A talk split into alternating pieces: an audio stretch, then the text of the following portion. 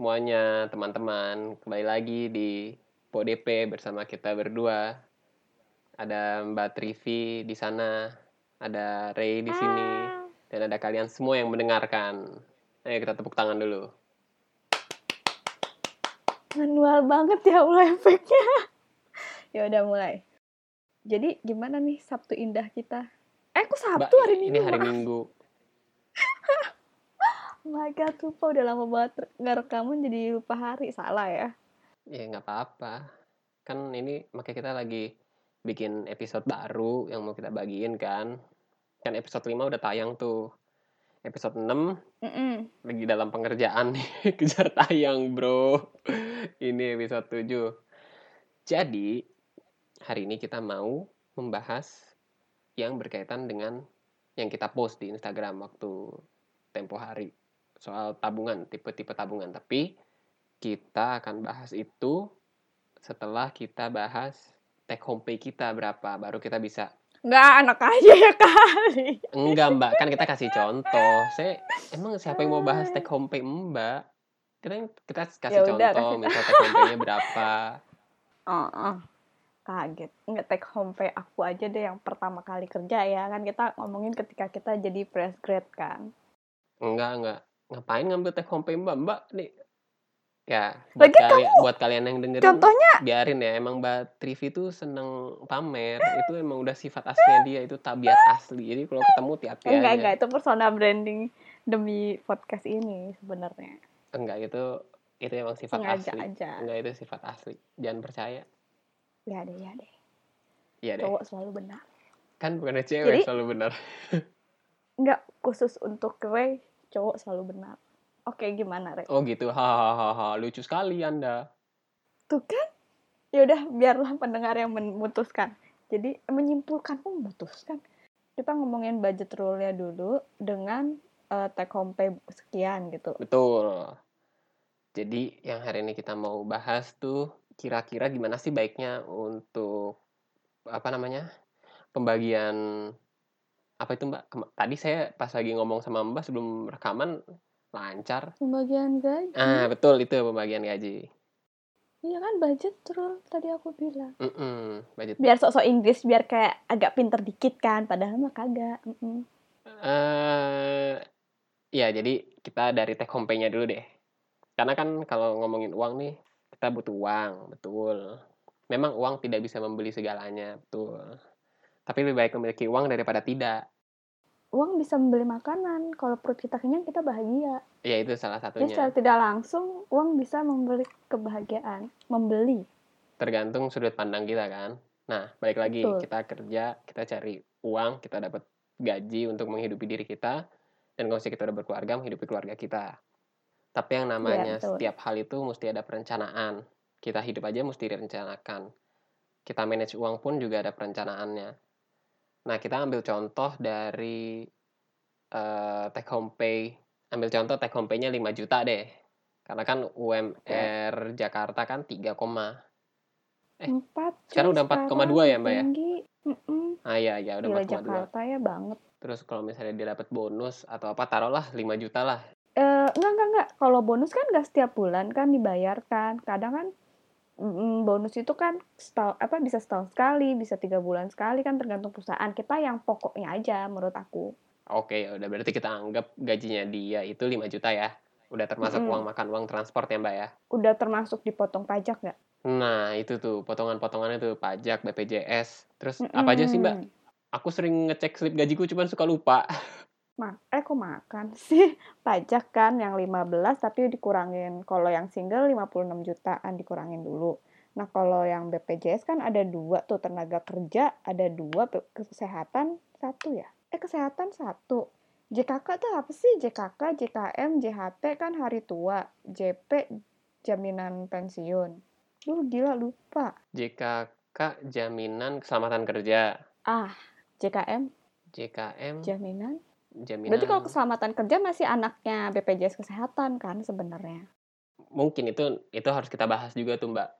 Karena kan buat pekerja itu itu penting tuh kita ya walaupun potongannya Oh, potongannya fix kan ya, Mbak ya. jaminan kematian. Oh, eh, enggak, persentase dari gaji pokok kan sebenarnya gaji ada gaji pokok, ada gaji apa akomodasi buat transport, makan dan lain-lain, tunjangan lain-lain. Tapi yang dipotong tuh gaji pokok aja. Oh dia ada ada batasnya mbak. Misalnya kalau misalnya gajinya di atas 10 juta per- persenannya beda lagi gitu ya. Enggak, itu buat jaminan eh, apa BPJS kesehatan deh kalau nggak salah. Kalau gajinya di atas 8 juta jadi bayarnya full gitu. Kalau gajinya di gaji pokok ya maaf, gaji pokoknya di bawah 8 juta itu bayarnya cuma satu persen kalau nggak salah. Sisanya perusahaan yang talangin gitu. Iya kan kalau misalnya. Oh, Oke, iya iya iya. Aku inget di slip gaji biasanya kan. Soalnya kan dulu kan Ya. eh gaji eh gaji apa BPJS kesehatan naik kan dulu kan waktu itu BPJS kesehatannya masih 80.000 ribu kan. Kalau gajinya misalnya tadi kan 5 juta, tapi ada uang transportnya sejuta, berarti 4 juta kan, itu kan di bawah 8 juta, satu persennya berarti kalian cuma bayar 40 ribu, 40 ribu, eh bener gak sih? Itu itu kayaknya itu kayaknya ada ada bahasan sendiri yang harus kita bahas di podcast. Oh iya deh, ya pokoknya ada potongan, jadi kalau kita ngomongin take home pay-nya ya, jadi bener-bener 5 juta udah nyampe tangan gitu, udah dipotong-potong sama yang lain kan. Ya, anggaplah 5 juta tuh udah dipotong-potong pajak, BPJS, JKK, JHM, JP, Heeh, terus apa itu? JHT, Aku jaminan kalau nggak salah aku aku dipotongnya tuh tiga. Aku dipotong pajak, dipotong iuran BPJS sama iuran oh BPJS ketenaga kerjaan satu lagi yang dipotong ya. Iya, itu BPJS juga masih keluarga. Terkadang ada beberapa perusahaan yang ada asuransi lain selain BPJS kesehatan itu juga dipotong. Habis itu kadang ada orang eh ada perusahaan yang memberi kayak apa? Kayak di bank. Jadi kita gaji kita tuh dipotong buat beli saham di bank tempat dia bekerja. Kadang ada yang kayak gitu. Nah, itu tidak termasuk gaji pokok, tapi itu dipotong dipotong terus gitu tiap bulan. Oh iya, itu Mbak jadi waktu tahu itu dari mana? Ada temen yang suaminya kerja di bank katanya gitu. Jadi investasi buat pegawai. Jadi tuh mm, pe- kan kalau pemerintah menjamin karyawan dengan kesehatan dan keselamatan kerja terus nanti bakal buat rumah katanya juga bakal ada potongan lagi kan tapi kan belum dimasukin. Nah perusahaan juga gitu. Mereka eh, memberikan suatu jaminan tentang masa depan karyawannya dengan investasi. Investasinya bisa macam-macam bisa investasi eksternal kalau ternyata perusahaannya nggak masuk ke saham ke trading itu ada juga yang masuk nah dimasukin harus beli saham perusahaan yang tempat bekerja. Oh. diambilnya kapan? Terserah kamu. Terserah soalnya kan emang perusahaan udah motong gaji kita buat masukin ke saham itu. Kamu mau potongnya kapan? Terserah kamu. Kamu mau nambah juga boleh terserah kamu. Oh itu kayak Gitu. program apa namanya loyaltinya karyawan ya. Jadi si Iya, betul, karyawan diberikan apa namanya berapa lembar saham perusahaan sebagai bukti loyalitasnya dia bekerja. Iya ya, saya ingat om saya juga apa namanya dikasih saham perusahaannya kan. Dia kan dia Iya. kan udah 20 tahun tuh sahamnya tuh lumayan apa dia dapat satu apa dua persen gitu atau ya lumayan banget kok atau ya saya kurang nanya kurang aja nanya kan. detailnya cuman intinya dia dapet saham lah persenan sahamnya kantor Iya itu kayak program HR untuk soalnya kan nggak semua karyawan yang sadar tentang masa depan kan. Kadang ada yang tidak sadar bagaimana biar nanti orang yang bekerja sama dia itu namanya kan human resource kan. Berarti dia juga harus menjaga humannya ini kan.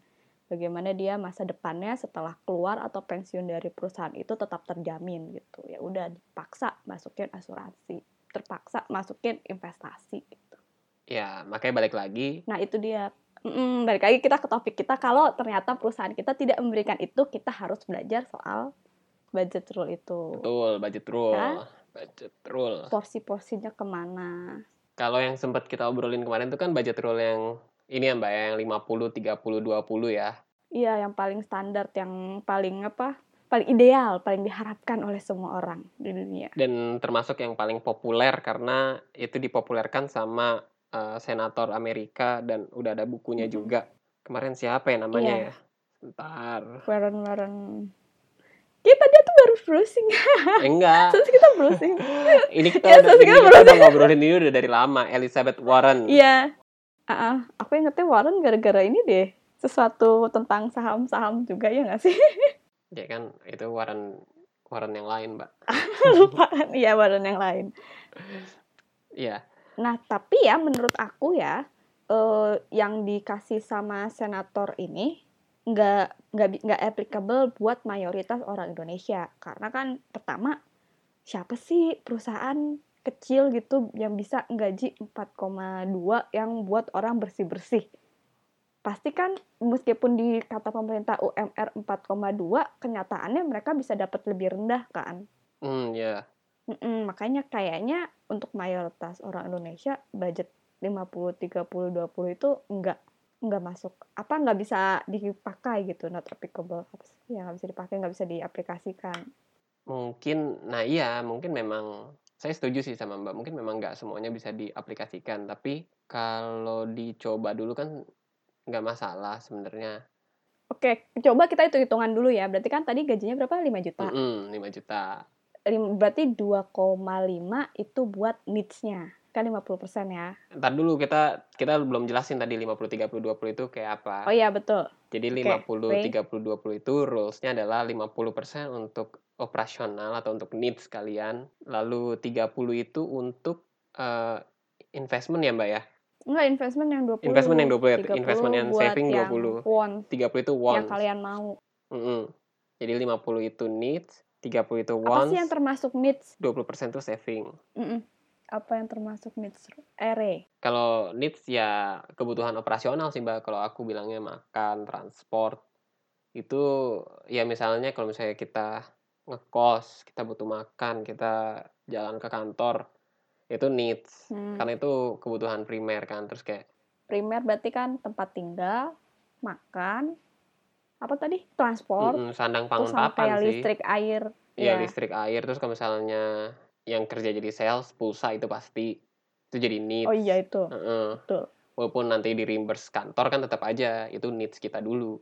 Iya, ya mungkin ada beberapa perusahaan yang di reimburse. Kita ngomong sialnya deh, sialnya nggak di reimburse. yang nggak kan di reimburse ya mbak ya oke Iya, berarti emang harus ada cost itu. Itu harus semua terpenuhi dalam 50%. betul Ya kan? Berarti dalam contoh kita itu adalah 2,5. 2,5 juta untuk needs Itu, itu semua ya, untuk itu semua. Berarti kan ngekos kita harus ngepres di ko harga kosannya, ngepres di harga makannya.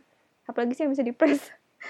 eh, transport sih mbak biasanya Transport jalan kaki gitu ke, ke tempat customer atau ke tempat kantor. enggak lah kan Kalau dia waktu ya. di episode sebelumnya kan saya pernah cerita ke mbak saya ngabisin transport eh, dari Oh. rumah saya di Iya, nah, di Cinere sampai ke Sudirman kan saya cuman keluarin uang itu 20 kemarin ngomongnya Depok, sekarang Cinere. Bapak nih suka ini deh, ya, suka membuka ya nggak apa-apa. Oke. Cinere luas Hmm. Oh iya, betul ya. Nah, siapa tahu saya Cinere dekat. Depok atau Cinere dekat Jakarta kan nggak ada yang tahu. Oh iya, iya, iya. iya. Ya jadi Oke, dari, dari Cinere ke Sudirman itu kan saya cuma ngeluarin duit 21.000 ribu waktu tahun 2018 itu hitungannya. Tapi kan Apa 21.000 ribu per bulan? per hari bolak-balik. Enggak, kalau kan kita 2,5 per bulan, Pak. Iya, tapi kan kita kan kalau saya ngambil contohnya hitung ya, hariannya dulu 21.000. 21.000 ribu. Hmm, kali 22 hari. Sekitar 462. Itu kalau 22 hari ya, satu bulan. Ya kita genepin lah. 22 Kita- hari kita kerja. genepin 500 Kita ribu. bulutin, iya berarti sisa tinggal 2 juta, 2 nih. Oke, misalnya kita makan lah, makan tuh eh, kita oke lah kita makan siang di luar 50.000 ribu Heeh. sehari. Anjir, nggak muat ya. 50 ribu sehari tiga kali makan dong, tapi harus. Enggak, makan pagi harus bikin sendiri, makan makan Yang malam makan pagi bikin sendiri, bahannya kan dari sendiri. ya itu apa namanya itu nanti di apa namanya kita kita termasuk needs juga tapi itu di bagian belanja tapi ini kita kasih keringanan misalnya dimakan makan siang ini kita bisa sampai 50.000 ribu deh makan siang plus makan malam atau plus cemilan sore gitu 50.000 ribu Hmm. 50 ribu kali 22. 1,1 ya Ya Allah, udah ditambah 500 ribu, udah 1,6 Pak. Tinggal 900 ribu buat tempat tinggal. nah itu dia kalau misalnya buat yang ngerantau kan berat pasti kan tapi kalau misalnya yang makanya masih ini tidak tinggal sama orang tua, gitu ya. Hmm. kan bisa bisa ke, apa namanya bisa neken di Bisa saving, iya saving 900 ribu ya sebenarnya ya kalau Betul. tinggal sama orang tua ya. makanya kalau misalnya Nggak buat yang air, ngerantau, ya, betul-betul. lebih baik memang belanja. Ini kan kita kan kasih apa namanya kasih gambaran kalau misalnya eh, kita bisa motong kos di makan dengan kita belanja dan masak sendiri dan kita ganti dengan kos-kosan yang misalnya lumayan enak lah yang ada AC misalnya satu seingat saya sat- satu juta tuh ada yang pakai AC dulu aja waktu waktu kuliah itu kalau tujuh ratus ribu itu nggak pakai AC yang pakai AC itu 1,3 sih ya istilahnya kita bisa tuker lah ma- mana yang mana yang kita pingin makan enak atau tempat tinggal enak Iya. gitu. Karena kita harus pilih yang enak ya biar kerjanya juga jadi optimal gitu. Kalau tempat tinggal yang nggak enak kan nanti bangun-bangun kerja jadi nggak enak. Apa nggak semangat gitu, nggak ada tenaganya. Selain itu juga fasilitas sih mbak kayak kos-kosan kalau yang wifi-nya bagus kalau misalnya ngerantau lah Oh iya, kadang ada yang nggak pakai wifi bahkan. Mm-mm, kayak gitu itu itu juga kita harus pikirin karena kalau misalnya kita rely sama pulsa kita tethering itu kan lebih boros Mm-mm, mm-mm. Iya pulsa pulsa apa internet pakai pulsa lebih mahal emang daripada paket yang bareng-bareng serumah. Betul betul, setuju. nah iya kayak gitu nah ini kita sekarang kita ambil contohnya yang tadi udah eh, transport 500 ribu Eh, taruhlah kita tinggal di rumah orang tua jadi makan masih bisa apa namanya lenient apa namanya bisa makan enak lah udah 1,6 ya masih ada 900 Iya. ribu 900 ribu itu taruhlah pulsa terus bantu orang tua misalnya bantu bayar listrik bayar air lah Atau beli beras gitu. Eh, kan. itu termasuk needs belanja belanja makanan eh, Oh, sayur itu kalau kalian bukan sandwich generation ya. Kalau kalian itu adalah yang ketika orang tuanya masih bekerja atau masih mampu untuk menghidupi kalian ya. Lain cerita kalau ternyata orang tuanya bergantung sama kalian. nah kalau orang tua bergantung sama kita nah, itu rule-nya nggak bisa rule-nya nggak bisa pakai. 5, 3. itu setuju rule-nya nggak bisa pakai 50 30 20 ini kita masih ngomongin kondisi yang cukup ideal. Yang enaknya deh ya, yang cukup ideal yang katanya si senator itu itu adalah apa yang paling apa sih apa sih yang paling basic untuk hidup ya, Mm-mm. paling ideal untuk hidup. jadi 50 untuk needs 30% untuk wants itu berarti kita punya satu setengah juta ya mbak ya berarti ya? Satu setengah juta untuk eh, apa namanya memenuhi Kok keinginan satu setengah sih lebih dikit? Eh, 30% mbak dari eh tadi dari 5 lima juta lima lima juta ya? Oh Mm-mm. iya betul. itu cukup lah kalau buat saya sih itu Oh, iya. itu cukup Mm, kalau ya apa kalau aku ya yang termasuk wants itu tuh kayak hangout sama temen kan pasti makan dong. Nah itu termasuk wants karena kalau nggak hangout juga bisa hidup aja kan, cuman karena kepengen aja kan. ya kebetulan karena Jadi kok ya saya saya sih kalau kalau kalau saya pingin ketemu temen nongkrong sama temen iya pingin cuman karena saya orangnya males keluar rumah akhirnya semua itu hanya jadi wacana dan akhirnya saya irit uang di situ ujung-ujungnya uang saya habisnya buat beli itu yang mbak bilang di kantor tuh jajan Oh, itu iya, termasuk kan, wants jajan. Oh iya sih, sebenarnya nggak jajan juga masih bisa hidup ya. iya sebenarnya nggak jajan kan nggak Ya apa-apa berarti itu termasuk. Hmm. Itu sama ini loh kayak beli pretelan-pretelan kecil kayak yang tidak terduga kayak bayar Netflix atau Spotify gitu kan itu termasuk wants juga gitu. Bukan sesuatu yang kamu butuhkan banget. Gak ada itu kamu juga bisa hidup gitu. Betul. Nggak ada Netflix masih bisa nonton di Indo. Oh, hanya orang-orang tertentu. Ah, ah, oh, stop, stop, stop, stop, stop, stop, stop. Tidak boleh. Itu ilegal. Yang ilegal tidak perlu diajarkan. Oke, Eh, iya, iya, tidak benar. perlu Kalau diberitahu. Spotify kan gratis, ada Spotify free. Tapi ada iklannya itu doang kan bedanya. Kalau Netflix kan ada episode yang gratis, tapi nanti kalau episode selanjutnya jadi baru langganan kan. Ya udah sih nonton episode awal ya. Ya, banyak sih. Banyak cara lah itu kalau Mm-mm. yang kayak gitu. Jadi, Iya untuk menyimpan wants ini, menyimpan duit dari kategori wants ini sebenarnya banyak cara sih, tapi tergantung orangnya betul dan kan.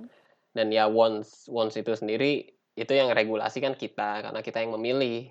Jadi makanya Hmm. eh, kesadaran atau kita harus aware dan mindful terhadap uang kita itu penting di wants ini karena wants inilah yang kadang kita ya ada tiba-tiba pingin beli aja kayak ngelihat di Shopee diskon beli ah Oh masukin iya, keranjang iya, beli beli. impulsif buying gitu. Mm, mm, mm, makanya harus direm. Jadi kalau kalian merasa 30% atau 1,5 juta itu kurang buat memenuhi itu semua, nah kalian harus review lagi pola hidup kalian gimana, lifestyle, pola pikir kalian tentang barang itu harus kayak gimana, kalian harus review lagi, ulang lagi. Betul. Pasti ada salah di situ. Karena begitu kalian dapat gaji yang lebih besar, itu kalian tetap nggak akan Itu ngerasa akan cukup. Betul, itu akan nambah terus. Iya, jadi Dan aku ya, pengalaman aku ya, Mm-mm. justru karena dipupuk jadi gaya hidup gitu.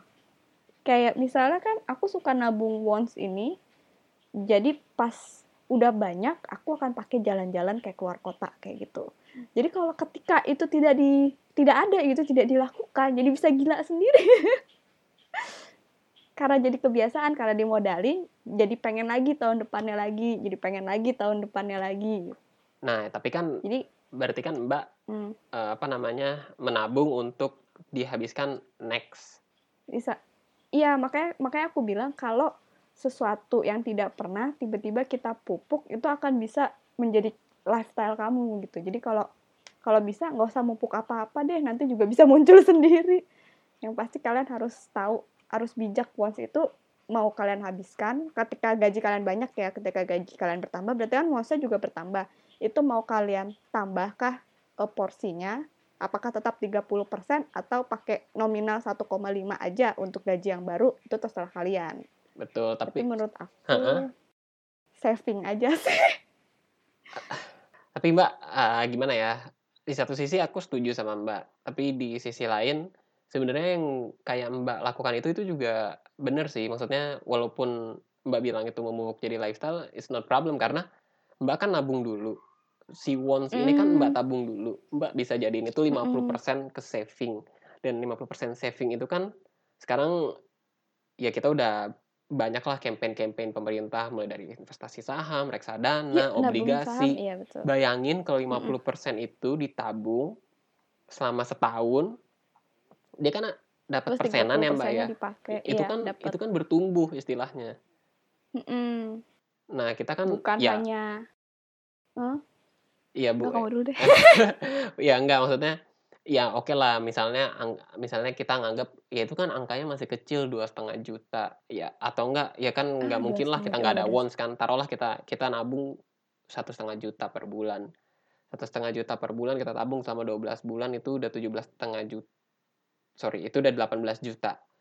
18 juta tapi kan itu kan ada komponnya ada bunganya. Di situ kan yang yang kita Mm-mm. yang kita apa namanya kita ambil untung. Misalnya 18 juta and then eh, selama satu tahun itu kita tabung cicil cicil cicil cicil terus di akhir tahun mungkin kita udah dapat 20 juta atau 21 juta.